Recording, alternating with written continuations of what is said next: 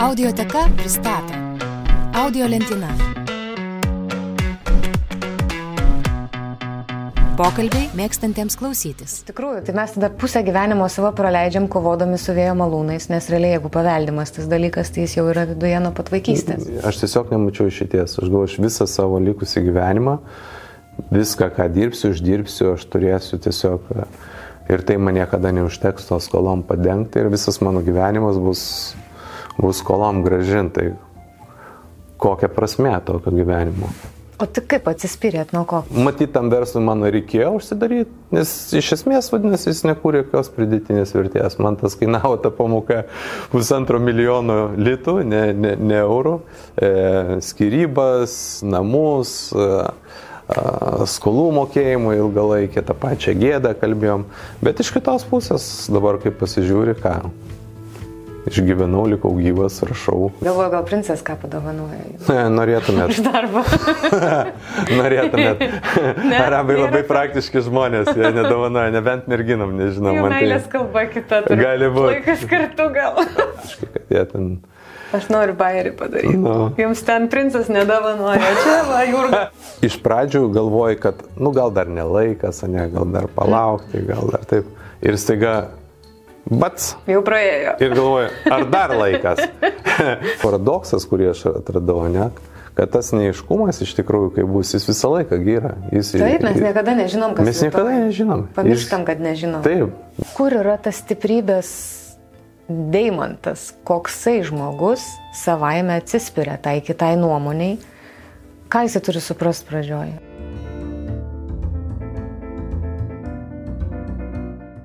Važiuojam! Vasarišką audio lentyną su Tomu Kriščiūnu. Kaip jis pristatyti dabar? Verslininkas, konsultantas, biznierius. E, keliose rolėse aš iš tikrųjų Taip, aš jau toks jaunasis verslininkas, kaip dabar juokauju, sulaukęs 50 pradėjau. Tai mano verslas iš tikrųjų aš mokau e, pardavimų ir e, strateginių pasirinkimų įmonės, e, būtent atrasti aiškumą, vienas, kitas. Dabar, kai pradėjau rašyti, tai, tai rašasi. Ir tokias mano, ir dar tėtis, tokia mano didelė rolė, trijų vaikų Tai tokios mano tos trys rolės pagrindinės. Jo, šita pagrindinė tai svarbiausia, kur ką tik paminėjot. O žiūrėjau Wikipediją, iš tikrųjų mes čia šiandien, jeigu ką kalbam apie audio knygą, kurią Tomas parašė, duok mums aiškumo. Tai yra susiję su dievybės forma, kiek aš suprantu, ar ne? Tai yra kreipinys? Jo. Tas kreipinys ar toks abstraktus, kaip norėtųsi? Gal, gal labiau visgi retorinis ir gal labiau visgi atviras, nes uh, taip man susidėjo, kad pirma mano knyga iš tikrųjų 500 dienų su Saudo Arabijos princu. Nors irgi, kaip sakyta, naujojo testamento kelionė artimuosiuose rytuose vyksta. Bet daugiau aš pats ir savo atradau ir pažinau islamą tuo metu. O O šitą kelionę daugiau man va taip irgi susidėliojo visai nejučiom su tom aiškumo išvalgom ir e, nuo buvimo mano vienuolinė pas e, prancūzų vienuolius. Ir taip dėliojasi, dėliojasi, dėliojasi ir tada aš jau taip žiūriu, kad ta kelionė nenutrūksta ir, ir religija nu, labai svarbi apskritai žmogaus gyvenime, ypač tose kraštuose, kur kur aš daug laiko praleidau, gyvenau. Artimuosiuose rytuose tai aš taip manau, kad taip svarbiausia identiteto, net ir krikščioniškose šalyse, nebūtinai islamiškose. Aš ketinau užduoti vėliau tą klausimą, bet dabar paklausiu, kaip Jūs manote, kodėl vieni žmonės tikėjo, kiti ne, kiti ne, būtent aukštesnė forma? Dėl to, kad e, kaip ir nėra tokių įrodymų apčiuopiamų, tai, tai, tai manau dėl to žmonės netikė tokių įrodymų, kaip sakykime, man irgi sunku, pavyzdžiui, patikėti kai kuriuos, ne, jie aukštesnė forma, jeigu jūs klausėt, Jurga, tai aukštesnė forma. E, truputį kitas dalykas, taip, kaip, kaip tu Dievą pavadinsi. O įrodymų tokių, pavyzdžiui, man irgi labai sunku patikėti su, su, su, su visa savo meilė krikščionybei į, į sakykime, numirusių prisikėlimą, taip, ir, ir amžinai gyvenimą tokioj formui, kaip, kaip bent jau mane mokina mano karto žmonės, kad vieną dieną paims visi atsikels ir vaikščios ir aš galvoju, ir to ir nereikia iš tikrųjų. Bet jeigu galvot apie tai, kad savo energiją gražini į visatą, iš kurios ateini, tai taip, tokia, tokia forma aš tikiu. Tai čia kaip ir reinkarnacija. Man apskritai visas religinės formos iš tikrųjų apie tą patį reikia tik tai atkrapštyti, apie ką būtent. Tai jo, iš esmės labai panašios. Apie meilę besąlygišką, tai yra. Iš esmės, iš esmės tikrai labai panašios. O dėl ko tiki, tai aišku, mes taip atvirai kalbant, kaip mes daugumą mm, paveldim, niekas mūsų neklausė iš tikrųjų, taip, dauguma, sakykime, Lietuvoje, artimuosiuose rytuose, Kiprė, Saudo Arabijoje. Niekasgi neklausė. Tikėjimas yra paveldimas. Pirmą kartą girdžiu. Nu, aš manau, kad artimuosiuose rytuose tai turbūt arti 100 procentų. Mhm. Nu, Lietuvoje gal koks bus 50-60. Nes iš tikrųjų, tai mes tada pusę gyvenimo savo praleidžiam kovodami su vėjo malūnais, nes realiai jeigu paveldimas tas dalykas, tai jis jau yra viduje nuo pat vaikystės, jeigu nu, tu vaikščiai bažnyčiai. Iš esmės, tai taip, iš tikrųjų yra paveldimas, ar ne? Nu, va dabar mano močiutės. Ramiau. Taip, močiutės, tėvai, mes savo vaikams perdodam ir, ir neklausim, ar tu nori būti budistas, judėjas, mūsų musulmonas. Bet čia drįščiau paprieštarauti. Mes su mama turėjom tokią diskusiją ir sakiau, mm. mama, tu, tu ieškoji, tau buvo ten ir agni joga įdomu ir kažkokie tai ten rytų dalykai. Ir sakau, aš irgi noriu pasidomėti. Sako, mhm. kam tau domėtis, aš jau radau, kas geriausiai veikia, krikščionybė yra jėga. Mhm. Ir aš ne, aš vis tiek eisiu savo keliu. Ir kartais reikia ne, neuždėti to savo mylinčios rankos žmogui ant, mhm. ant pėties ir neužspausti jo galimybės ieškoti savo kelio. Kaip jūs manot, kiek verslė yra meilės? Jeigu perinant nuo tikėjimo dalykų prie, prie to, kur juos galima taikyti. Aš tada turiu patikslinti, meilės kam. A, vat nežinau, čia jūsų atsakymas. Man patinka, kai žmonės. Žiūrint, žiūrint kam. Konkurentui, sakyčiau, turbūt nulis. Jeigu yra konkurencija, o jie yra? Jinai visada yra, nebent kažkoks išskirtinis monopolinis verslas. E, jeigu darbuotojai, aš manau, jos atsiranda vis daugiau ir daugiau ir supratimo. Bet vėl labai priklauso nuo žmonių, kurie jį daro.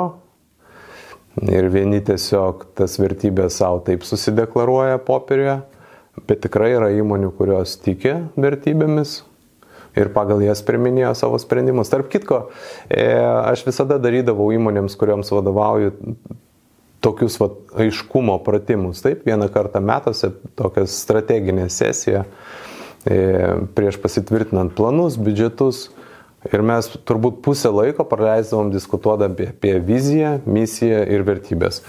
Ir e, toks atrodo nuvalkėtas, e, banalus reikalas, nuobodus, bet iš tikrųjų, kai tikrai jas išsiaiškini ir, ir, ir, ir kai pati komanda jas iškelia taip, ne tu jiems numeti, kad va, dabar bus taip, mes dabar pradėsim tikėti visi, kad, kad dabar pas mus taip bus. Bet kai pati komanda iškelia taip, kas mums svarbu, kas mūsų žmonėms svarbu.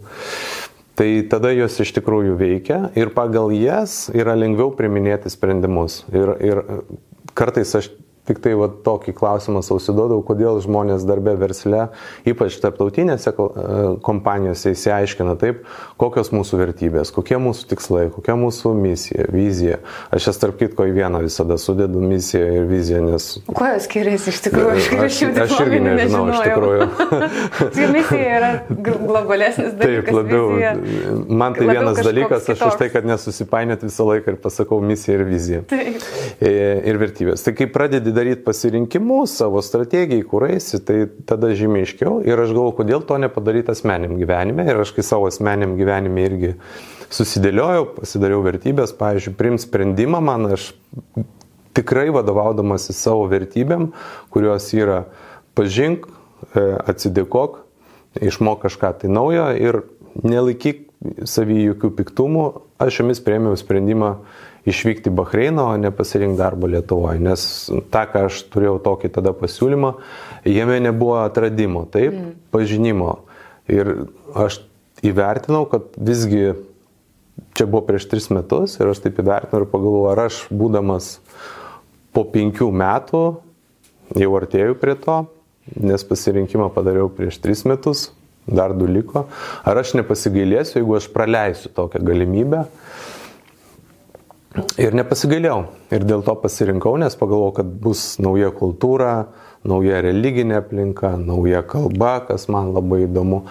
Ir apskritai aš, aš sąmoningai ieškojau vadovo darbo užsienyje, nes pagalvojau taip jau Lietuvoje vadovu atidirbau 20 metų, 4 metus Estijoje, 3 metus Latvijoje ir galvoju, aš noriu tokio išbandyti iššūkio, pagaliau ar visą tai, ką aš vadovaujuosi, ką aš išmokau, ko aš tikiu, ar aš tik tai galiu mm, po kažkieno sparnelių daryti, ar aš galiu atsidūręs visai naujame mieste, šaly, kur aš nieko nepažįstu, tą paimti ir padaryti nuo nulio, užkurti įmonę ir, ir pasiekti norimus rezultatus. Tai man vertybės yra nu, labai svarbu darant pasirinkimus. Kokia jūsų misija ir vizija? E, aš turiu dabar tokią pačią pagrindinę. Kurią? E, misija ir vizija. Abi dvi kartu sudėjus, nes kaip ir sakau, aš ir neskiriu, abi dvi kartu sudėjus, aš noriu iš tikrųjų tom, ką aš jau išmokau, sužinojau ir kas, ką, ką, ką skaitytojai man parašo, klausytojai audio knygos. Aš noriu tom žiniom, kurias aš sužinojau, dalintis, skleisti, mokyti to, aš, ką aš pats darau, gyventi įdomų gyvenimą, būti sėkmingam pardavimuose ypatingai. E, ir dabar nauja atsirado parašius knygą įkvėp žmonėm per, pereiti sunkumus. Aš nesitikėjau, kad aš ją gausiu, bet iš tų atsiliepimų ir po pirmosios knygos 500 dienų ir jau po aiškumo ateina, kad e, ir ypatingai, kas, kas mane džiugina, kad iš vyro ateina žinutės, kurie aš ir vyrų linijos savanorių tapau e, pasiekmėjai knygos išleidimo, e, bet didžiausias ateina iš liūdimo, iš tikrųjų, didžiausia, didžiausias tas pokytis, ar, ar kai vyrai drįsta parašyti, sako, mes ten nenorim nei skambinti, nei eiti, nei dalyvauti ir aš pats niekur nenorėjau per savo krizės niekur eiti. Tai didžiausias tas įkvėpimas ateina iš to liūdimo. Tai, tai, tai va tokia ir yra dabar mano misija, vizija ir, ir, ir, ir savo vaikam taip pat padėti išeiti į gyvenimą daugiau. Mano nedidelis e, konsultacinis verslas ir e, šiuo metu yra mano tokios ambicijos, bet tas yra, kad vizija, misija tai nėra akmenį iškalta, tai gali keistis, gal po, po metų dviejų man kitaip atrodys, taip gal aš ir toliau norėsiu keliauti po pasaulį mokytis kalbų, bet e,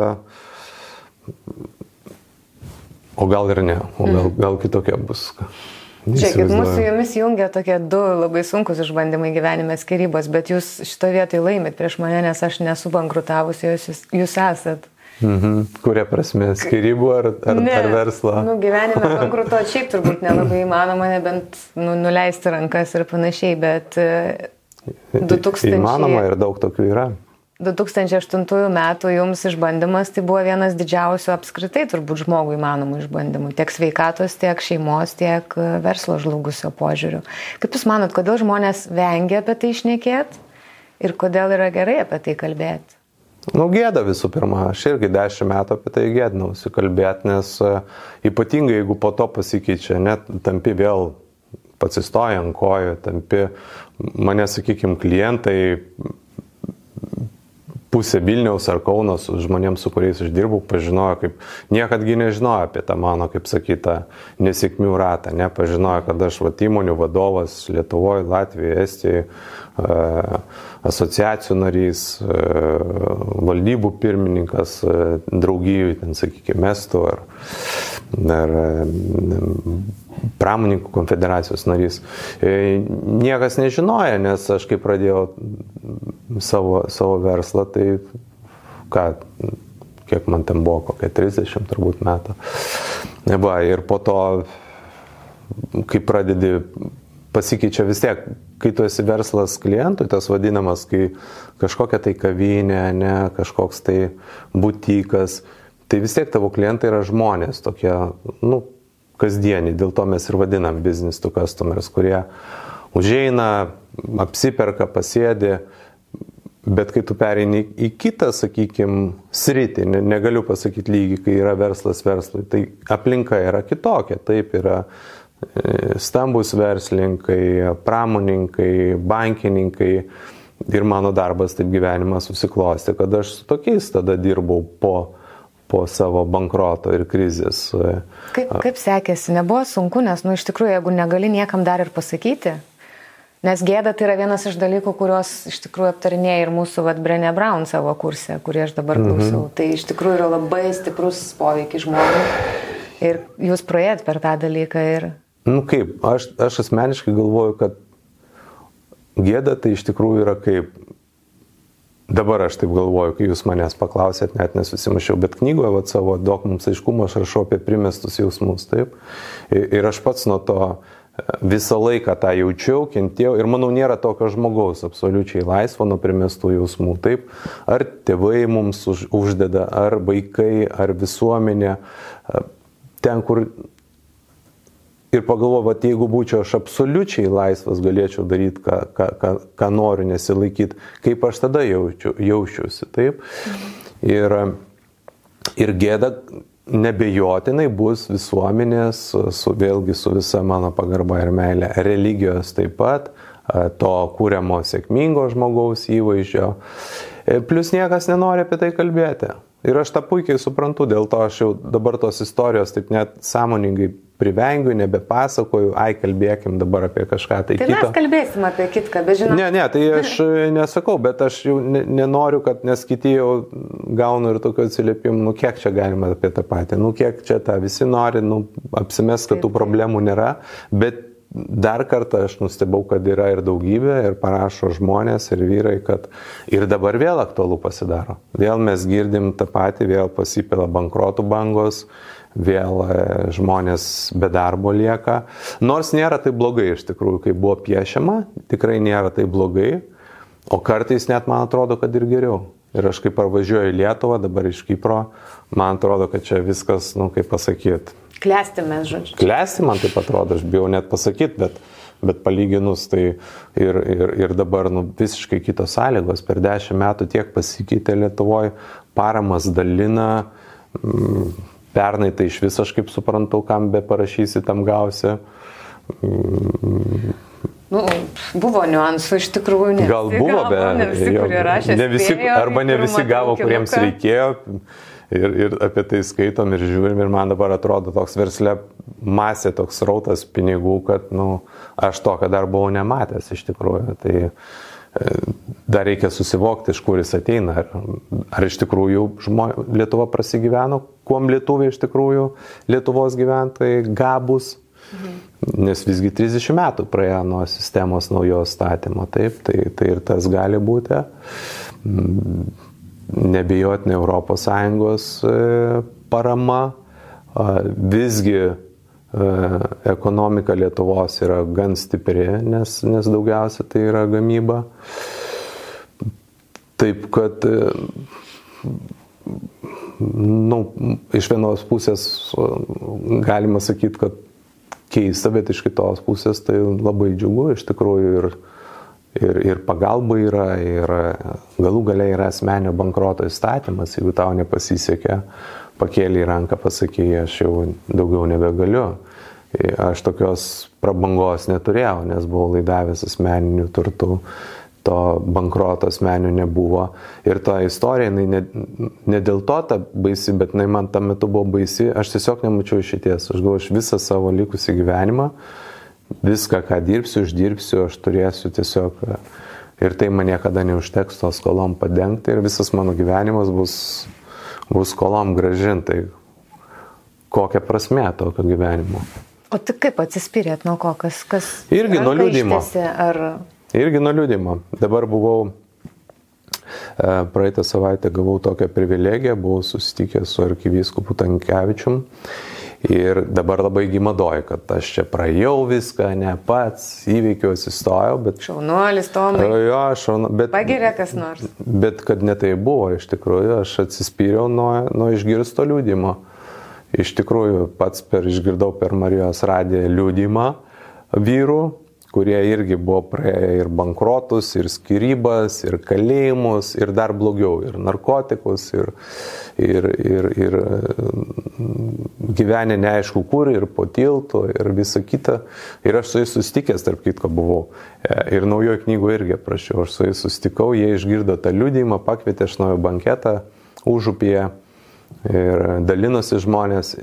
Ir net irgi pagalvojau, nu, nu, isto, daugybė tų istorijų ir, ir tokie, numatosi, kad ne tik širdį, bet ir tie išoriniai randai matosi ir, ir drąsiai žmonės liūdė prisistato, kad va, buvau mafijos kareivis, dabar Jėzaus kareivis. Man net pačiam taip nejaukų truputį klausytis, galvoju, kaip čia taip žmonės tokie, tokie įtikėję, pasiryžę, bet, nu, va, taip yra. Kaip jūs siūlytumėt žiūrėti į bankrotą? Nu, toks mhm. e, išsikapstimo žodinėlis, tarkim, mhm. ne pačios blogiausios situacijos. Kaip reikia žiūrėti į bankrotą, kas tai yra? Bankrotas mhm. yra. Nu, Mes apie finansinį, taip kalbame. Tarkim, finansinis įmonės bankrotas, tada kas baisiausia yra skirybos ir dar lyga. Tarkim. Ir dar be namų, kai lieka. Ir be namų.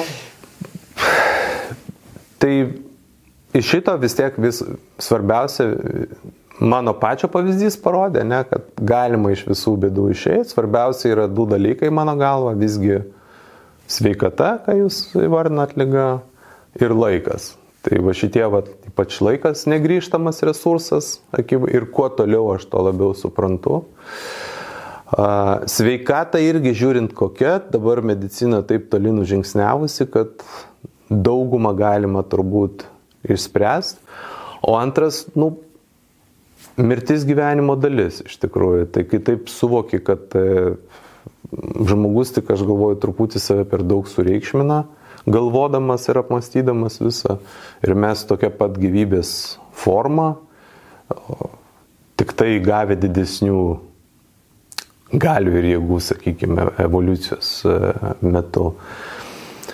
O prie bankroto, tai aišku, aš nesiūlau, nereklamuoju, geriau iki jo neprieiti, tai kai prie jo prieini, tai ir dabar sakau, kad lengviausia būtų nurašyti, kada čia ištiko krizė, 7-8 dabar vėl ištiko, bet taip sąžiningai, jeigu įsigilinus ir pagalvojus, ir ką aš knygai prašau, tai yra iš tikrųjų tik tai apnuogina tavo klaidas padarytas ir išaštrina ir daug tų paprastų klausimų, nuo kurių mes šitaip juokaudami pradėjome, ne, kas ta misija, vizija, vertybės, tai dauguma jų būna neatsakyta pradžioje iš tikrųjų.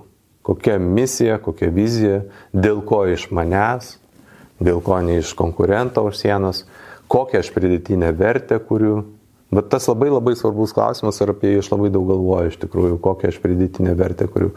Nes aš kaip paskaitau, pavyzdžiui, ne, va, tas spaudas, sakykime, koks didelis praneša prekybos centras, kad va mes atidarėm, investavom, ar ten, nu, vėl aš nieko prieš neturiu kavinės, bet vertė, sakykime, tokia, ne, nu, nu kokia to vertė, ne. Nu, reiškia, jeigu didelis atsidarė aplinkui, gal užsidarė dešimt mažų, o gal net šimtas. Tai didelis Klausimas... prieš atsidarydamas turi pagalvoti apie tai, kad užsidarys mažiukas. Ne, mažiukas atsidarydamas turi pagalvoti, ar jis tikrai atsidarius dideliam, ar, ar tikrai jis kūrė tokią vertę pridėtinę, kad e, aš apskritai kalbu apie pridėtinę didelę vertę. Ir vėlgi, man tie labai imponuoja mūsų pasiekimai, atradimai, bet klausimas, kiek jie tikri. Ar mes taip išsireklamuojam, išsimarketinguojam, kom Lietuva visada buvo labai gera ir netgi mūsų šiauriniai kaimynai estai apie tai pasako. Ar mes iš tikrųjų tokie geri? Nes pavyzdžiui, su kuo, su kuo mes save lyginsim ir pats paprasčiausias yra tie vadinami star, vienaragiai startupai, ne, mes šiaip netaip vieną sukrapštėm Lietuvoje, patį pirmąjį, kai estai jau ketvirtą turi su, su dvigubai mažiau gyventojų, Aš jau nelyginu su kokiu ten Izraeliu, sakykim taip. Tai klausimas iš tikrųjų, kiek ten mes iš tikrųjų tie esam geri, kiek mes investuojame į mokslą, technologijas, Nes aš tą, ką, vat, pavyzdžiui, dabar žiūriu, praėjęs visą tą kelią, ne, nu tai tos visos ir, ir, ir, ir, ir, ir čia yra faktiškai technologijų, ne įmonė, audio knyga, nes tai reikalingos technologijos, panašu kaip tikėjimas. Negali apčiuopti, bet labai gerai. Vienareikšmiškai yra technologijų įmonė, taip. Tai, tai norim to nenorim, ir aš irgi knygoje parašęs, tai nu, mes to nieko neišvengsim. O kas yra ta pridėtinė vertė, apie ką išnai? Pridėtinė vertė, kai kažką tai paimi, kažkokią tai atrandi inovaciją ir ją iš tikrųjų pagerini žmogaus, sakykime, gyvenimą, ar jam daugiau patogumo, ar, ar, ar ne tik tai žmogaus įmonės, šalies, gali būti bet kokia mokėjimo, gynybinė pridėtinė vertė, kur kažką gali sutaupyti arba uždirbti daugiau, aš taip suprantu ir įsivaizduoju. Nes, nu, ir tos investicijos, ne, vat per krizę skaičiau, ten nusidarė kažkoks naktinis klubas, mes čia atvažiavam iš kažkur tai irgi, aš iš Libano investavom, ten vaikinai Vilniui rašė. Nu tai mano galva jokios pridėtinės vertės tokia ekonomika nekuria. Nu, tai pasakyti jas išviesiai ir tas nėra blogai. Aš atvažiavau čia, aš noriu užsidirbti. Taip, aš matau čia kad aš galiu investuoti, žmonės mėgsta linksmintis, eit, bet kai pradeda aiškinti, kad aš atvežiau Lietuvą ir investavau, nu, man tokia istorija nepraeina, nes nu, atvažiavai, kad užsidirbti. O visi nori užsidirbti versle ir tas ir turi būti variklis, bet man naktinio klubo atidarimas ar kavinės, nu, jisai nekuria pridėtinės vertės. Ne tas bus kitas, ne tas susidarys, kitas užsidarys. Ir aš tą irgi suvokiau, kad, nu, matyt, tam verslui man reikėjo užsidaryti, nes iš esmės, vadinasi, jis nekūrė jokios pridėtinės vertės. Man tas kainavo ta pamoka pusantro milijono litų, ne, ne, ne eurų, e, skirybas, namus. E, a, skolų mokėjimų ilgalaikį, tą pačią gėdą kalbėjom, bet iš kitos pusės dabar kaip pasižiūri, ką išgyvenau, likau gyvas, rašau, liūdiju ir mes šiandien dėl to čia esam. O jūs save laikot sėkmingu? Mm, kaip arabai atsakytų, alhamdulillah, reiškia Dievo ant garbės. Taip, e, žiūrint vėl kokie kriterijai, bet aš gyvenu įdomiai, aš, e, mano šeimina gyvena įdomiai, e, aš tų gaunu dovanų tokių, man dabar tas, tas sėkmė tai asocijuojasi su įdomumu, taip ir Kokių dovanų? įdomumu. Ne, ne, sakė, dovanų gaunu. Tai dovanas tos gyvenimo. Atsiliepimus. Teigiam, Galvoju, gal princas ką padovanoja. norėtumėt. Už darbą. Norėtumėt. Ne, Arabai nėra labai praktiški žmonės, jie nedovanoja, nebent merginam, nežinau. Jų Man meilės tai... kalba kita. turbūt. Gali būt. Laikas kartu gal. Ačiū Dievui, su manim tokia nekalbėjo, aš važiavau dirbti, turėjau darbo užduotis ir e, niekas man nieko nedovanoja ir ab- abejoju, kad e, aš tokių pasakėlių, kai pasiskaitau, tai e, jeigu ir dovanos, tai matyt su kažkokia tai labai... Šiaip fainiai jie žmonės, bet labai praktiškai, kad jie ten... Aš noriu bairį padaryti. Nu. Jums ten princas nedovanoja, čia va, Jurga padovanos. Iš tikrųjų, istorija yra ta, kad aš šitą knygą rašiau, kai Tomas gyveno apačioj, aš gyvenau antram aukšte ir balkonė ten savo ir visokius ten spaudaliojau, ten ir pratimus dariau, tai pervalkoj. Ir man Tomas padovanojo savo knygą. Ir aš sakiau, nu gerai, gerai, padovanosiu, kai parašysiu. Ir mes susitiko, matot, kaip susivedė vis. Vat keliai suveda, kai reikia. Tai va, ačiū labai, Jurga. Jo, prie to pačio aš pasakysiu Arabų ačiū už knygą. nepadovanojo Ir Lietuva. aš žaviuosi irgi jūsų kūryba, jūsų dainomis. Ir kaip jūs kalbat ir ką jūs sakot, nėra gal tos progos pasakyti, bet dabar pasakysiu prie to pačio, kad man labai labai patinka iš tikrųjų, ką jūs darot. Ačiū, labai nemoku primti komplimentą. tai net stringa. Tai pamokysiu, aš ir knygoje prašęs, pasakėt ačiū ir tęsiam Ačiū. toliau. Tęsiam toliau šitą padėkit, kad nesimatytų. Ten, ne. tai va, tai e, klausimas, kiek reikia uždirbti Tomui, kad jisai sakytų užtenka. Čia apskaitai ir per mėnesį, aš visur man kyla tokie patikslinami klausimai, nes aš labai atidžiai klausausi. paklausė, Ir... vyras galvoja, tai atsakykite. Jo, aš visada galvoju. Mhm. Ne, aš tiesiog turėjau vieną tokią gal patyrimą istoriją, kaip, kaip irgi žmogus siekė verslė labai daug dalykų pasiekė, išėjo į pensiją, turėjo svajonę atsidaryti savo arklių fermą, atsidarė fermą ir susirgo depresija. Mhm. Tai Ja. Tai šitą aš matydavau labai dažnai, kažkaip tai mano vaikystėje labai buvo madoj, kas ten sugebėdavo, visur griebdavo tos deficitus sovietiniais laikais, statydavo, statydavo, tais laikais buvo madoj pačiam statyti ir dar pasikviesti kažką tai iš pažįstamų giminių.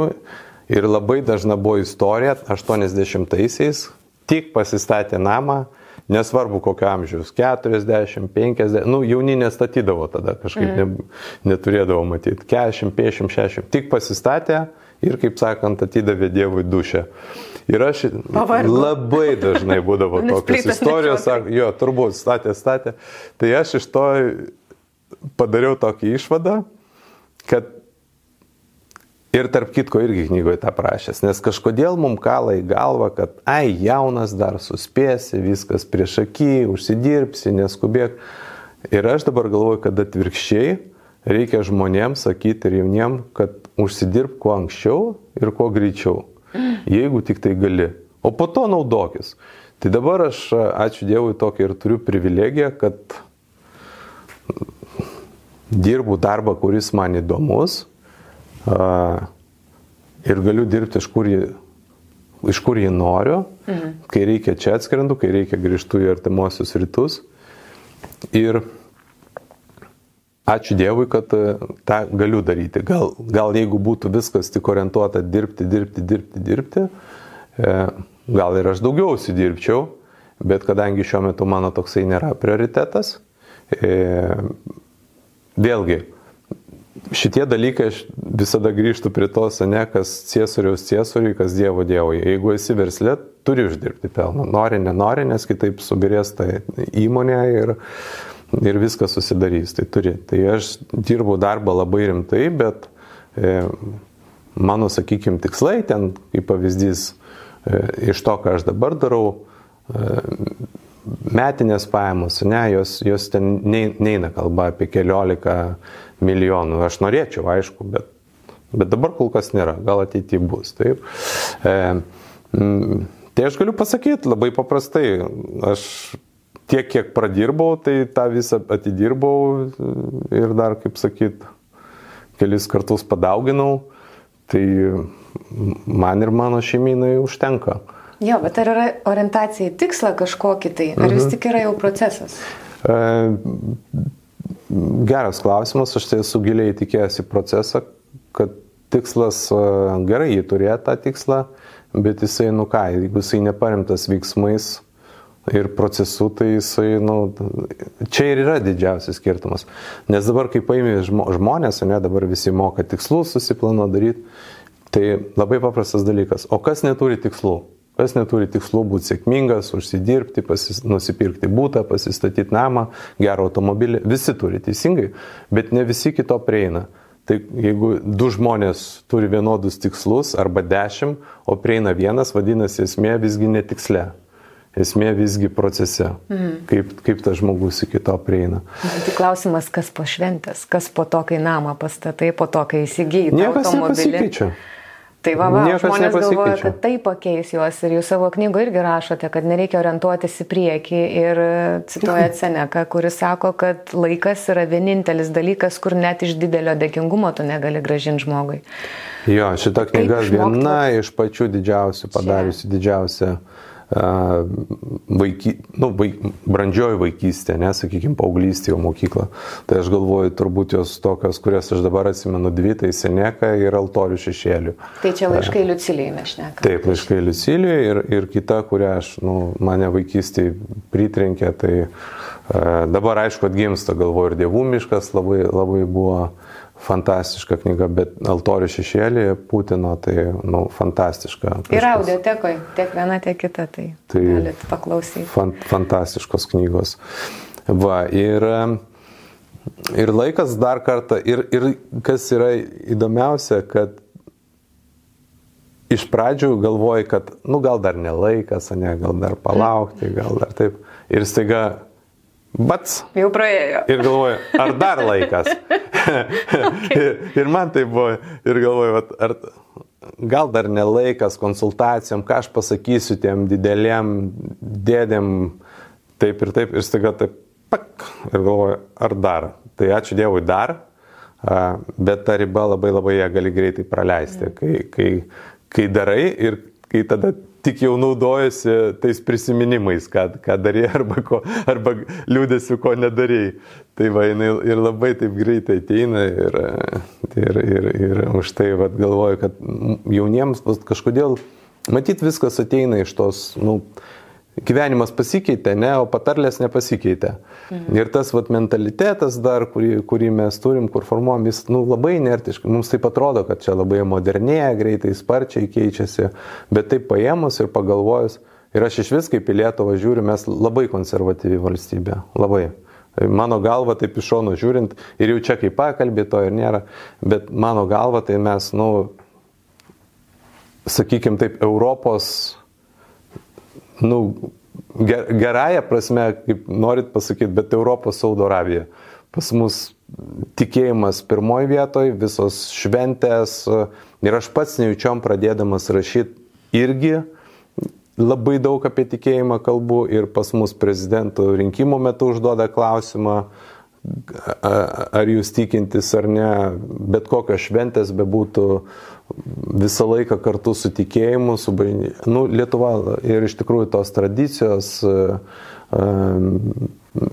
vedybos, krikštynos, laidotuvės, labai labai Lietuva yra ta prasme, nu, vėlgi, aš turiu omeny gal tradi, tokia tradicinė kaip įprasta, ar tokia gal konservatyvi, ar, nu, bet ir tai keičiasi. Taip, yra pliusų, bet yra ir minusų šitoje. Vienareikšmiškai. Nes kaip išsirauti iš visos tos sistemos. Ir iš tikrųjų tai man buvo smagu su Paulium kovų užnekėti irgi apie jo audio knygą ir mes kalbėjom apie tai, kad Lietuva vis tik turi ir kitą kraštutinumą, mes esam labai kūrybiški.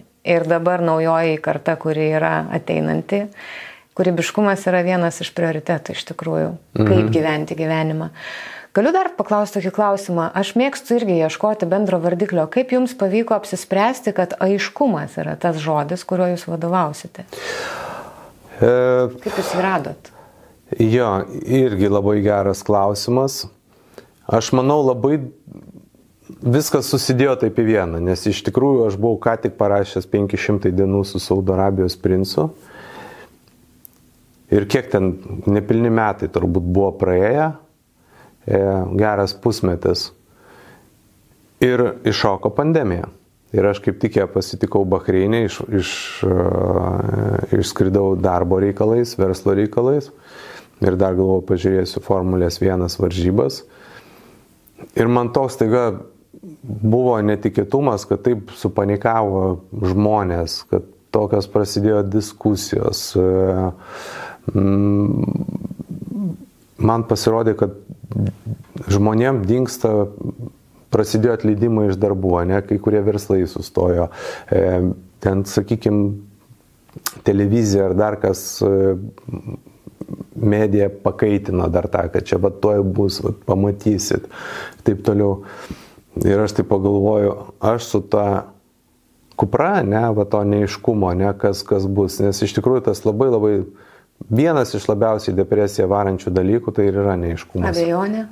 Ir neiškumas, kas bus. Mhm. Kas bus. Ir aš nežinojau, kas bus, kaip aš gyvensiu su tom visom skolom, ar, ar aš kažkam būsiu įdomus, ar aš galėsiu iš naujo kurti šeimą, turėti vaikų, kada nors įsigysiu namą, ar aš gausiu darbą galų gale, kokį nors.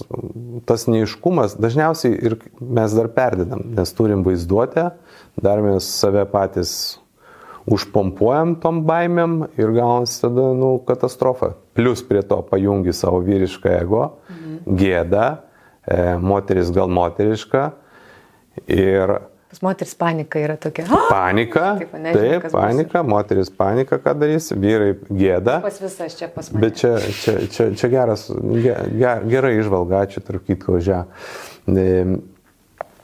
Kiekvien, kiekvienas matyt savo ir dar prisigazina, prisipanikuoja ir tada iki depresijos e, per tariamą nusiraminimą arba vyną arba dar kažką tai, tai, tai ir yra tie priepoliai žmonėms. Tai aišku, ten, kur reikia jau specialisto pagalbos, specialisto. Ir aš tai pasižiūrėjau, tai kad ir koks paradoksas, kurį aš atradau, ne, kad tas neiškumas iš tikrųjų, kai bus, jis visą laiką gyra. Jis, Taip, mes niekada nežinom, kas Mes niekada rytoj. nežinom. Pamirštam, kad nežinom. Taip, mes galvojam, kad jeigu niekas mums nesako ir, ir kiek mes įtakojam ir mano, aš labai jau, jau anksčiau pradėjau ir iš tų visų atsiliepimų, kuriuos aš gavau iš 500 dienų, aš dabar labai ieškau, kas iš tikrųjų yra mano, ne, ką, ką aš iš tikrųjų noriu daryti ir labai stengiuosi išvengti to, ką man siekia užkrauti kiti, visuomenė, ar ten darbo partneriai, ar verslo, netgi šeimos nariai, visi, skaitant, kurie nori primesti savo valią ir išmušti mane iš mano kelio, ne? nes, nes tai pastoviai pasitaiko per tą. Ir kad daugybė, daugybė yra triukšmo ir jeigu mes anksčiau ten mums reikėjo, nu, atrast, paieškot, ką pasirinkti, dabar turbūt didesnis klausimas yra, ko nedaryti, ne? ko, ko nedaryti, ką atmest, atkapot, kad uh, išliks savam keli. Va, esminis klausimas, kaip per tą visą gausybės ragą nepasimesti ir, pavyzdžiui, kokias knygas jūs rekomenduotumėt paskaityti be Liucilijos laiškų? Tai nepasimest, tai vat ir yra e, tam ir reikalinga, nuo ko mes pradėjom, kad būtų aiški vizija ir misija. Ir kiekvieno žmogaus savo, ir tada jau sau. kaip bendruomenės, Taip. komandos, šeimos, ar, ar kaip, o šeima turi turėti savo misiją, viziją. Vienareikšmiškai visi. Ir turi. jūs sėdėjot ir tarėte su vaikais. E, gal ne taip visai kaip kokioje verslo sesijoje, ne, bet, bet mes geras aptarėm. tokia su kostiumukais, kaip yra toks kūdikis. Bet aš manau, kad labai būtų vertinga diskusija. Ir aš manau, kad daugelis žmonių tą, tą, tą diskutuoja, aptarė, tik tai galbūt taip aiškiai neįformina, ne, nepasikabina ant kažkur tai savo internetiniam puslapį, nes šeimos jų neturi mhm. ar ant šalituvų. Bet aš manau, kad labai tas geras dalykas, aš savo irgi turiu priminimą, ne, kur, kad, nes tų galimybių išsimušti yra Nu, nu daugybė, kiekvienas. kas yra šeimos misijos vizijos pavyzdys, nes aš galvoju, kaip suformuoluoti. Pavyzdžiui, gyventi įdomiai. Geras. Gyventi įdomiai. Tai nereiškia, kad ten turtingai ar bednai, bet pavyzdžiui, tada tas gyventi įdomiai, tai galbūt nuo to priklausys, kas tas įdomu, ne? ar, ar tiesiog išvažiuoti į kitą šalį, atsigult pležė gulėti, ar tada tiesiog darbo kitur ieškoti, verslą kartu kurti, e, turėti ar neturėti vaikų, pavyzdžiui, irgi labai lab- labai nu, rimtas pasirinkimas, nes mes įpratę, kad va, kurie šeimą turi turėti vaikų, aš pats savo rate pažįstu bendradarbių buvo, kurie sako, mes nenorim. Ir aš, kai išgirstu jų argumentus, man jie atrodo labai logiški. Ir, ir žmonės irgi sprendžia tokius dalykus ir aišku, mums visiems kyla noras pamokyti, paaiškinti, palei savo praleisti vertybių skalį ir pasakyti, ne, ne, taip negali būti, turi daryti taip, kaip vat, priimta tos visuomenės. Ir dėl to aš taip tyrinėdamas, analizuodamas, priejau prie išvadų, kad tas vat, svetimų jausmų prieimim, primetimas, su kuriais mes galime atsakyti, kas ką nori, mes visi susidurėm, jūs, Aurimas, aš, prezidentas, premjerė, visi susidurėm su tuo, o ką pasakys žmonės, ne, gali sakyti, kas ką nori, kad ne, ką, pasakys visuomenė, ką, galų galia, ką pasakys klientai, jeigu jau tau visiškai nesvarbu žmonės, tai visada, jeigu esi verslė, turi galutinį e, įvertintoją, taip, tai yra klientas, kuris ką pasakys ir tau ar. Bet kaip taisyklė, vertybės visada laimi. Jeigu yra aiškus pasirinkimas, o ne prie visų, kad ir taip ir taip, pasiderinu truputį, tai kaip taisyklė vertybės, vertybės, vertybiniai pasirinkimai mano galva ilgalaikėje perspektyvoje nugalėja, aš taip galvoju ir man tas pasitvirtino. Nu, jūs vašnekat ir taip ramiai dėliojat mintis ir panašiai, bet aš esu sutikusi žmonių, kurie sako, taip, negalima paklusti kitų žmonių nuomoniai, aš nenoriu. Tai deklaruot apie tai, galim, ką kiti mes norim. Jurga. Jo, bet kur yra tas stiprybės deimantas, koksai žmogus savaime atsispiria tai kitai nuomoniai, ką jisai turi suprasti pradžioj? Aš Tai pirmiausia, klausiu, reikia suprasti, ar ta... Aš tai manau, daug kas ateina, aš asmeniškai praktikuoju meditaciją ir maldą ir medituoju įvertinimus savęs, e, kas savaitinius savo, savo tų pasirinktų sričių. Ir tu žiūri kaip pagal jas, nes tik tai tu primirš kažkokią tai sritį, ne, kas tau svarbu, nu bet kas, skaitimas, ne, kurį mes paminėjom, gali būti e, bendravimas su tėvais, bendravimas su vaikais, bendravimas su partneriu, e, darbo reikalai, darbe galų galia, kiek ant mūsų užmeta. Taigi darbe daugybė ant mūsų užmeta sričių, kurie nesusiję su mūsų darbo, ne. Ir, ir ten irgi labai didelį pavojų slypi, nes iš esmės, Tai nežinau, aš paklausau, tarptautiniai firmai dirbau daugybę metų, vietinėse, nu visur girdi, kaip, kaip darbdaviui rūpi mūsų karjeros, ne? bet nu, pasakykim tiesiai šviesiai, darbdaviui rūpi jo rezultatas ir tavo karjera rūpi tiek, kiek aš ir pats darbdavys, kiek, kiek, kiek tu prisidedi prie, prie, prie jo pačio gerovės, ne? o kiek jisai prisideda prie įmonės gerovės Ir dažnai matau ten irgi tiek ten melo ir apgaulės ir Lietuvoje paskutiniai darbovietį irgi, kuri irgi aprašyta knygoje, kaip ten buvo ir nutiko, tai ateini į tarptautinį įmonę, visur lozungai, šūkiai, mums reikalingi talentai ir staiga žiūri pačius geriausius bičius atleidinėje, nesvarbu, kur ten būtų, Norvegijoje, Švedijoje Nes atsiradęs kažkoksai tai karaliukas, kuris ten nori sakyti. Talento neturi pats. Nu, Pamatyti. Tai tada, dar, tai tada blogiausia jo, jeigu mhm. toksai papuolė, nes ne visur taip vėlgi, aš, bet, bet tikrai nu, mes patys žinom, kad vyksta kova. Tarptautiniai įmoniai, politikoje, vietiniai įmoniai, dėl pozicijos, dėl geresnio atlyginimo. Tai va, tai Ir tai natūralu, ir jinai vyks, bet tik tai kaip paskelbė, kad ne, čia viskas, mums tik tai svarbiausia tu, o daugiau niekas, nu taip nėra. Žinot, aš vad girdžiu ir iškart prisiminiau fainą tokį kontrargumentą, vad kova, konkurencija, atrodo baisu tam jūsų pasaulį gyventi, bet aš vad perskaičiau vieną vietą ir man tai patiko, kad konkurencija yra realiai, kai tu lygini save su kitais. Mhm. Tai jūs savo pats kažkaip prieštaraujat, o kova yra tai, ką žmonės padaro iki tam tikro lygio, atsitraukia mhm. ir žaidžia toliau tą patį. Mhm. Tai yra susijęs su žaidimu. Kiek žaidimo jūsų gyvenime? Mhm. Uh, šiuo metu tai, kaip sakant, aš savo verslę dirbu. Tai aš... Bet ten yra žaidimų aikštelės elementų, ar visiškai yra rimta, viskas labai pamatuota? Tai man toksai, kur tik tai žiūrint vėl, kaip tai, tai kaip sakyti, jeigu tu, tu tave samdo įmonė, nu, aš jeigu tik tai būčiau susikoncentravęs, aš nu, neskirčiau tiek laiko, net ten, sakykime, rašymui, kur yra mano kelionė, e, pažinimui, ne, aš tik būčiau darbas, darbas, darbas, darbas. Tai aš labai mėgstu ir per, per savo seminarus, kuriuos aš vedu, pajokaut, papokštaut, bet tam vat laisvumui, nu, tu turi priaukti vis tiek, ne, nu, nu, nu galų galę ir kažkoks turi vis tiek atsirasti tas kažkoks tai tas, nu, Vieni gal labai žulus būna nuo vaikystės, aš toks nebuvau, tai kažkaip tai turi priaukti kažką, tai, nu, nes jeigu tave samdo rimta įmonė ir tu atėjęs ten anegdotus pasakosi, tai irgi nieko gero nesigaus. Na, direktorius ne? priklauso, žinai, sakys, savas biržas samdom, žinai, kitas ja. sakys, kas čia per jog darys. Bet, bet kad ir, ir, ir žmonės pasikeitė, tie, kurie klausosi ir mokosi, jie irgi nenori rimtai. Vieni nori, dar ateina vienas klaunas mūsų mokysis.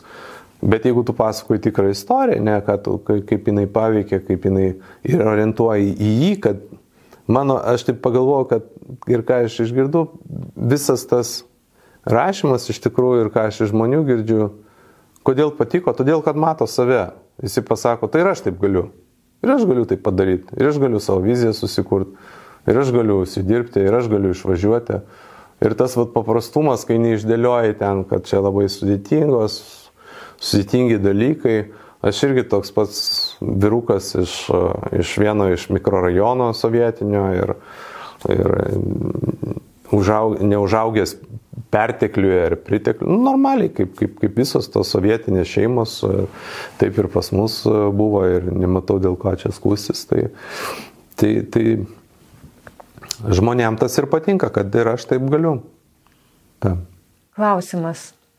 Man atrodo, daugelio problemų priežastis dažnai yra žmogaus požiūris į save. Tai yra savivertė. Kaip mhm. užauginti vaiką su aukšta savivertė? Žinoma, dar neužaugo. Kaip auginat? Dar, Ar dar, dar mažiukai. Bandau tą, ką ir sakau, nes mažiukai tarpusavį konkuruoja, ne, vat, kas greičiau, tą, na, tai tą Matau, patį. mažas toksai varinėje sako, man mėsiją reikia susigalvoti, man čia reikia, čia tiklus užsikelti. Jurga, aš taip, tą, ką aš tengiuosi, man viena iš svarbiausių tai yra nuseklumas, ne, tai ką, ką aš jam aiškinu, tą patį, ką ir rašau, kad jūs nekonkuruokit tarpusavį, tu konkuruok su savim. Jeigu tu kai bėgi, tai bėg, nesižvalgy Kristupai nuolat į sesį Viktoriją, kad jinai priekia ir pirmą to aplenksi mhm. savo, tavo čia startas, ten finišas. Viktorija irgi sakau, tavo čia, ten finišas. Ir tos, kai būnam pas mažiukus, ką ir mes visi darėm, kad tėti, mama, vat, brolis tai pasakė, sesuos, nieko nenoriu girdėti, man įdomu, ką tu padarai, ką tu nuveikiai. Tai aš taip suprantu, aš taip aukliu. E, gal iš ten ir atsiras. Ir turbūt, kad taip. Čia vėl nežinom, pažiūrėsim. Nežinom, nežinom. Nežinom iš tikrųjų, kaip, kaip bus.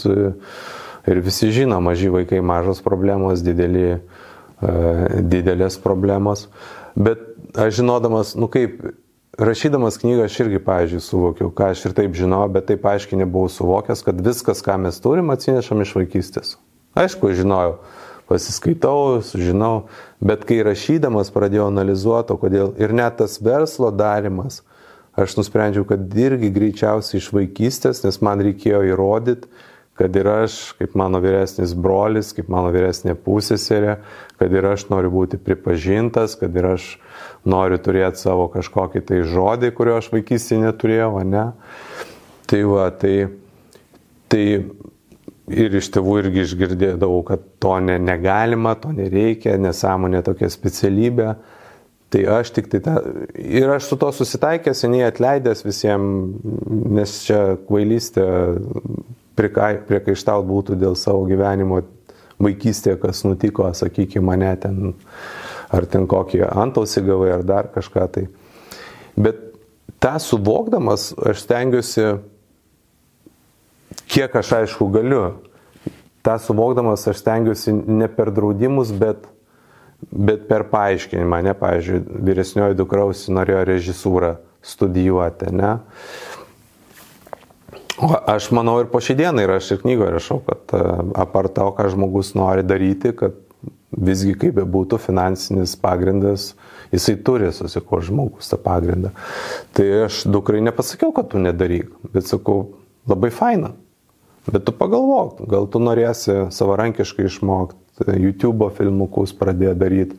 Nes iki tol norėjo jinai būti, sakykime, architektė arba gydytoja. Ir nusinčiau pats į stovyklą vasaros, rotariukų grįžo, pasakė, aš kitaip noriu.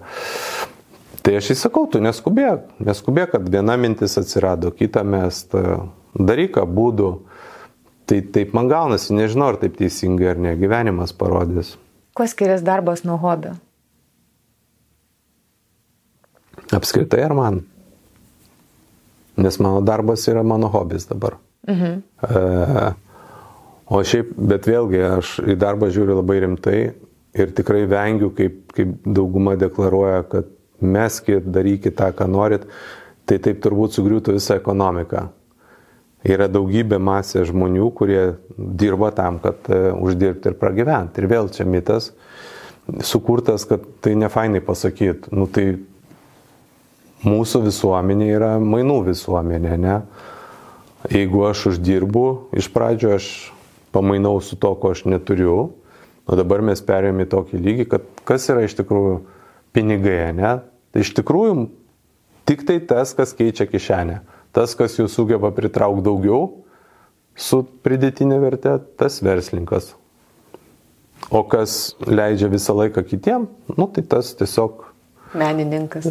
Arba menininkas, arba dirba, bet menininkas menininkų nelygų. Mes taip, labai taip, turime menininkų e, žinomais pavyzdžiais, kad ten daug dievė visiems tokiais verslininkais būti ir Lietuvoje, ir, ir, ir, ir, ir Amerikoje. Ir... Jo, bet jūs pats sakot, mano hobis ir darbas sutampa ir tada staiga kitiems. Aš tokį susikūriau. Kitiems patarėt šiek tiek kitokį. Taip, bet aš iki to jau 30 metų. Tai kaip nueiti ten?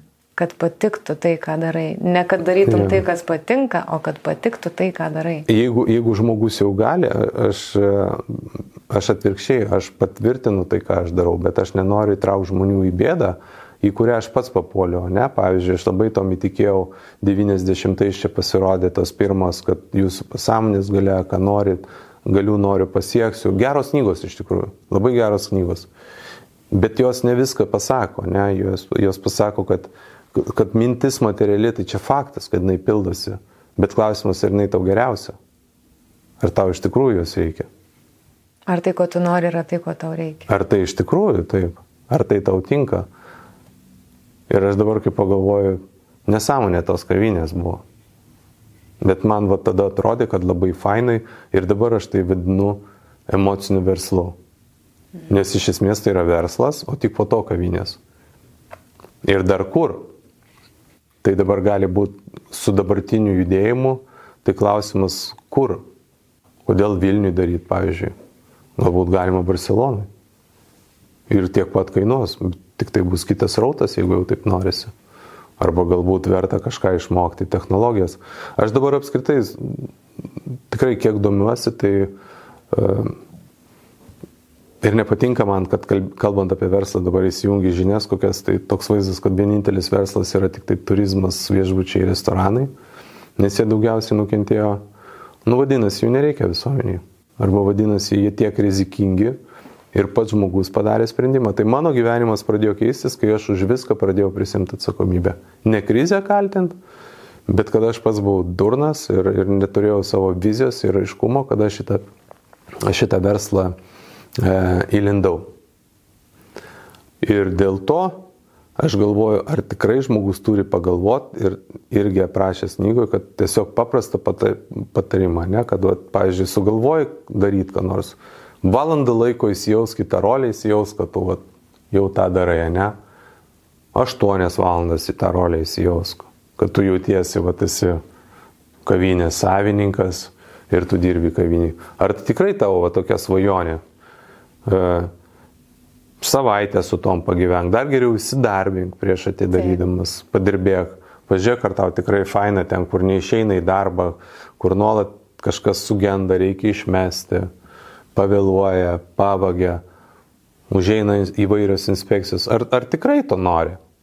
Ir aš manau dabar iš tų, kurie, vat, ypač jeigu neturi savo patalpų, jeigu reikia nuomotis. Ir ar tikrai tinka toks verslas, kad tu nuolat turi ten būti, niekur negali išvažiuoti. Tai lygiai apie bet kurį kitą verslą e, pagalvot. Tai va, to ateiti iki to aš jau pasakiau. Nuo pat ir laiko mes turim ribotai, ne? Aš dabar į savo laiką žiūriu kaip, kaip teisininkas. Nueini pas teisininką, tau už valandą bats 100 eurų arba 150 kol kas. Taip. Ir aš tą žiūriu taip. Tai mano valanda irgi kažkiek kainuoja, tegul bus paprastumo dėliai 100, ne? Kad būtų aiškiau skaičiuoti. Tai aš ir skaičiuoju labai paprastai. Ar aš tą laiką praleidau darbė su kažkom ten gerdamas kavutę, išeidamas parūkyti, hi hi hi ha ha ha apie nieką. Ar aš skiriu... Tai irgi svarbu. Tai yra vienas svarbiausių gyvenimo dalių, ko mes nemokam daryti.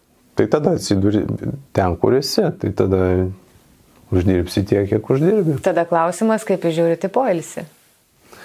Labai teigiamai žiūri poilsį ir manau, kad jisai tai be galo svarbi dalis ir manau, kad jokie tikslai jokie planai, jokios misijos ir vizijos nieko nevertos, jeigu žmogui nebelieka polisio. Tai kavutė hihihaha nėra polisis jūsų namų. Ne, tai jeigu, aš nesakau, jeigu kitam yra, bet jeigu tai tampa, kad tai per dieną tampa 15 minučių, 30 valandą, tai tavo tiesiog laikas susitraukia. Tai jeigu tu tą valandą, čia nei gerai, nei blogai, tiesiog paprasčiausia matematika. Jeigu iš 8 valandų vieną valandą skiri kavutį tam, tai tada ta valanda iškrenta iš tavo pajamų. Vadinasi, tą svajonių darbą, kurį nori daryti, nebent jis yra tavo svajonių, kai taip yra. Bet jeigu mes kalbam apie pajamas, tai taip yra. Kuo daugiau mes skiriam nesaviem tikslam, pašaliniams, nekuriantiems pridėtinės vertės, tuo mažiau laiko lieka mūsų tikslam. Tai jeigu aš 8 valandas turiu, ir, tai aš čia tik taip, aišku, perdėtai pasakiau, bet jeigu popieriukus į vieną dėlioju, jeigu man reikia skambinti, susitikti su klientu, o aš to nedarau, radu viską, ką daryti, kad to nedaryti, tai aišku, kad ir dėl to aš šią laiką dabar taip ir žiūriu. Tikrų tikriausiai, kad arba aš savo darau tikslams, arba aš kažkieno tai kito darau tikslams. Mhm. Bet mes, poilsis yra visai kas kita, taip, savanorystė vėl yra visai kas kita. Aš manau, kad jinai be jos, nu, ir žmonėm, kurie, pavyzdžiui, manęs irgi vyrai klausia, ką daryti, nematau prasmės, neradau tikslo, aš pirmiausia pradedu nuo savanorystės. Ir tarp jų gali atsirasti, kaip jūs ir sakėt, e, pajamingų, turtingų, kurie, kurie e, prarado prasme ir atsidūrė depresijoje. Ir, ir turtingas, ir neturtingas gali ten atsirasti. Tai, tai mano pats pagrindinis patarimas yra savanorystė, nes tada pamatai ir ten labai faini žmonės be to renkasi ir pamatai, kad yra žmonių, kuriems iš tikrųjų sunku, bet taip, taip dėliojasi gyvenimas, taip, taip yra, bet tikra savanorystė. Ne ten, kad kažkam ten numetė, bet kur, kur prisidedi, parašai, pakalbė, perneši fiziškai rankom Va tai, va, tai neišsipirkimas. Žemiškas darbas kažkoks. Žemiškas, taip, fizinis, dėl kitų darbas, kai kažką tai darai, nes apie tuos mes, nu, žinom, kaip ir statėsi dvarai, ar ten viduramžių bažnyčios, ar, ar dar kažkokie tai pastatai, ir, kurie iš esmės buvo, kad duodu pinigų pastatykite ir man viskas bus gerai. Tai kol pats fiziškai nepajėdi, tas, tas nesidaro. Bet aš tai, ką Jurga noriu pasakyti iš tos diskusijos, aš šitų dalykų nesupriešinu. Kaip, kaip jūs kažkaip tai netyčia bandėt pasakyti, ne, kad aš prieš tai, aš nesupriešinu. Aš žiūriu tai, kad lentyna, skirtingos knygos arba skirtingi įrankiai mano, sakykime, įrankių dėžutė ir aš tą jau seniai prašęs pirmoji knygoje, ne, kai man reikia aš dirbu ir galvoju, kad reikia būti dėl savo darbo atsidavusiam, pamyšusiam, dirbti tiek, kiek dirbasi, kiek, kiek, kad pasiekt maksimalų rezultatą. Taip, polsis atėjo vėl praleisti įdomiai, taip, e, savišvieta, atsidavęs, savanorystė, ten, kur jauti palaimą. Man, man jie nesikerta šitie dalykai tarpusavėje. Jo, Nes jūs subalansuotas žmogus, o yra tokie žmonės, kurie aš irgi įsimušu. Pavyzdžiui, jiem yra sunku tą mygtuką mhm. surasti, kada jaučia gana. Arba neįdomu. Neįdomu ilsėtis.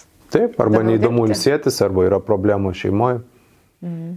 Jeigu, pavyzdžiui, šeimoje yra problemos, nieks nelaika, tai labai didelė tikimybė, kad vien dėl to žmogus e, nenori grįžti namo. Ir taip būna visokių gyvenime atvejų yra.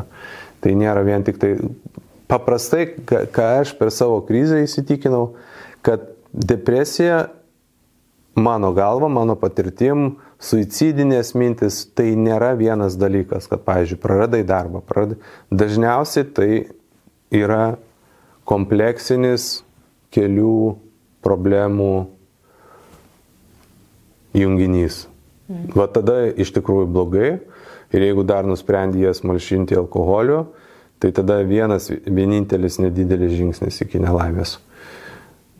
O tai kaip iš to kamulio tada? Po vieną imti ir viniot? Ką jūs pasiūlytumėte žmogui, kuriam dabar yra labai sunku? Nežinau. E, kiekvieno istorija yra skirtinga, taip. Aš galiu pasakyti tik tais, ką, ką, ką aš dariau. Ne? Mano pats pirmas buvo, buvo gymas, buvo visų tas nėra, nėra iš vienos pusės sunku, lab, lengva, iš kitos labai sunku, ne? Aš dėl to aš va taip ir sakau, kai žmogui pasako, va tu nevartok alkoholio, nerūkyk, bet kuo aš įsitikinęs, kad reikia pakaitalo, nu tu negali taip savo rutinos, tai paimti ir vieną dieną, kad va aš sveikai maitinsiuosi, sveikai gyvensiu, taip nesigauna. Blogą įprotį keisti geresniu. Kažkokiu taip. Aš pasirinkau, pažiūrėjau, vietoj to, kad sėdėt namuose depresuoti rūkyti, aš pasirinkau to, kad einu, vaikštau, sportuoju, bėgioju ir po truputį tada va tas va pradeda keistis, atsiras naujas įprotis. Aišku, labai galingas įprotis yra, ne įprotis, o labai galingas įrankis yra aplinka. Pavyzdžiui, Lietuvoje, nu dabar jau ateina į madą, ne, va tas pasako, ne tai, kad į madą, kad normalu, ne, aš nevartoju, aš nevartoju. Pavyzdžiui, Saudo Arabijoje, Bahreinė, man niekam nereikia aiškintis. Ten pasakai, fainai, Ramadanas atėjo ir dėl to man tos visos religijos, jos man visos turi savo pliusų per, pavyzdžiui, musulmonam nereikia teisintis, aiškintis, jiems labai faina, kad tu prisijungi uh, Ramadano metu prie, prie pasniko, sakykime, ne. Džiaugiasi. Ir man džiaugu, vakarė susitinkam, aš visą dieną, na, nu, aišku, aš sauso niekada nebandžiau, nes mm, man reikia vandens, kavos, arbatos, bet jeigu tu dieną nevalgint, tai ten nieko sudėtingo nėra. Žmonės labai dažnai tada. Įsivalymas. Tai taip, kas čia yra nuo nuo 5 ryto nevalgyti iki 5 vakaro ar iki 6 ten saulė, kada ar čia labai jau sudėtinga. Mano nuomonė, kad čia nieko, tik tai pats tikriausias įprotis ir žodžiai. Nes kai žodis pas tave galvoj veikia badavimas, jisai taip gazina, aš dar galvoju, jis matyti iš mūsų ateina protėvių taip, taip. genų, kurie iš tikrųjų jautė, taip, kurie iš tikrųjų jautė badą. Ir ne taip seniai, pokario metu. Mano mačiutėm žinatlis įsakydavo, kad nu, Jūs neįsivaizduojat, kai ten mama su teta pradėdavo kalbėti apie dėtas, jūs neįsivaizduojat, kas yra badas. Tai ma, matyt, pasąmoniai tas išlikė žodis, kad ir aš dėl to niekad man nesigausdavo. Kai aš pakeičiau žodį badavimas į pasninkas, man pradėjo gautis. Lygiai tas pats, kai mečiau ger, taip skamba, lyg tai ten būtum, bet kai pasakai, kad aš gyvenu tiesiog blaiviai ir, ir, ir mėgaujuosi geresnė sveikata, darbingumu, šviesumu, aš visada galiu važiuoti, visada galiu eiti, bet kada kam prireikia pavežti vaikus, kurio paros metu nesėdžiu vakarė su vyno taurė prie teliko. Bet vėlgi, nu, kiek, kiek, kaip, kaip, kaip tu jautiesi, jeigu tu jautiesi, kad tu nuo to kenti, to nedarydamas, kažin ar kas, ar kas gausis, bet e, nu, čia laidos turbūt neužtektų apie mhm. tai pakalbėti. Kodėl jūs, Tomai, pasiryžot važiuoti vienuolyną, ko ten tikėjotės mhm. ir ką gavot, ar sutampa tie dalykai? E, jūs apie prancūzišką, nekalbat apie katalikišką. Jo, aš jį pasiryžau važiuoti e, irgi vyko įmonės pardavimas tuo metu, e, nauji akcininkai, vaikai ką tik tai buvo e, gimę, namą pradėjau statyti, Tai mano tas pirmas išvykimas ir, ir svarbiausia, norėjau nuspręsti, ką veikti toliau, nes jau žinau, kad mūsų įmonė parduos, parduosim. Ir va aš tokį norėjau pasidaryti tokį, nu kaip sakyti, susivokimą, atsitraukimą nuo to triukšmo, nes vis tiek, kas toliau, ne, va aišku, kad tavo pasibaigs šitas darbinės, aš taip maniau, kad pasibaigs darbinės karjeros laiptelis ir va ką daryti toliau. Ar, ar ieškoti darbo, ar, ar kurti verslą, ar taip. Tai man vat, labai norėjosi tos ramybės atgauti e, ir iš naujo susivokti, ką aš noriu daryti ir kažin ar geresnė vieta yra negu vienuolynas. Ypatingai aš po to galėjau palyginti su, su ortodoksišku vienuolynu, nes Kiprė irgi pabuvau. Tai katalikiškam prancūzų visiška laisvė. Nori eiki į pamaldas, į mišes. Nenori, neik. Buvo tokių irgi, kurie atvažiuoja tik tai taip e, pabūt. Gal dar netėjo tas tavo momentas. E, tiem, kurie, kurie, kuriems atėjo, tiems atėjo, niekas nepasakys, kad tu ko čia tada atvažiavai, jeigu tu nevaikštai. Tai va, tai aš iš tikrųjų ieškojau aiškumo, jeigu tai pasakyt, susivokimo. E, kažkuria prasme, tai dabar turbūt būtų galima jau retrytų pavadinti. E, aš kai buvau, dar tokio žodžio nebuvo. Lietuvių, lietuvių kalboje, anglų kalboje, aišku, buvo. Va. Ir man taip labai įdomu, aš labai mėgstu švento rašto kelionę ir, ir, ir tuos visus ten veikiančius asmenys įsivaizduoju ypatingai su palyginus su kontekstu tuo labai man įdomu, kaip, kaip buvo Ir labai likau patenkintas iš tikrųjų tuo, tuo ritmu ir gavau irgi pamokų, kad visgi, nu tai irgi galima sakyti procesas. Procesas, kelionė, iš pradžių gali atrodyti nuobodu, bet ten žmonėms niekada nenuobodu. Jų, jų rutina, jų gyvenimo kasdienybė, jie tuo ritmu gyvena, Švento Benedikto regulos ritmu kiekvieną dieną, dieną iš dienos ateina kažkokios didesnės šventės, mažesnės šventės. Ir taip važiuoja. O pasarabus tas vadinasi inšalą.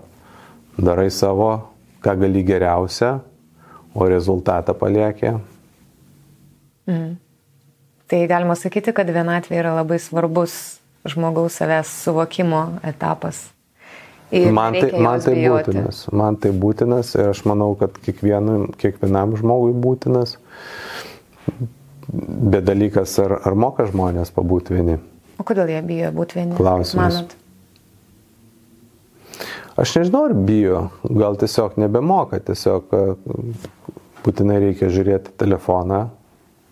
Čia irgi nėra vienatvė, jeigu nuolat tave atakuoja. O mes dabar po vieną čia Kaip įdomu čia tas užsiskaito kaip ne vienas žmogus, nes aš tai daug dalykų savo sužinojau, naujų. Mm. Ir aš juos dažnai sužinau viena sėdėdama kambarį arba iš kitų žmonių.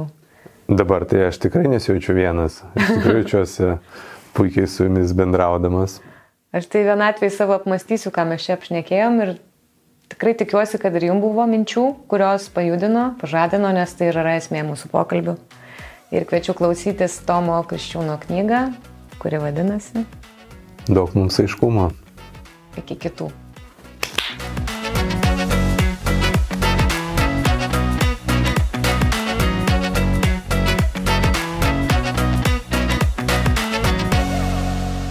Daugiau knygų tavo ausims audiotekoje.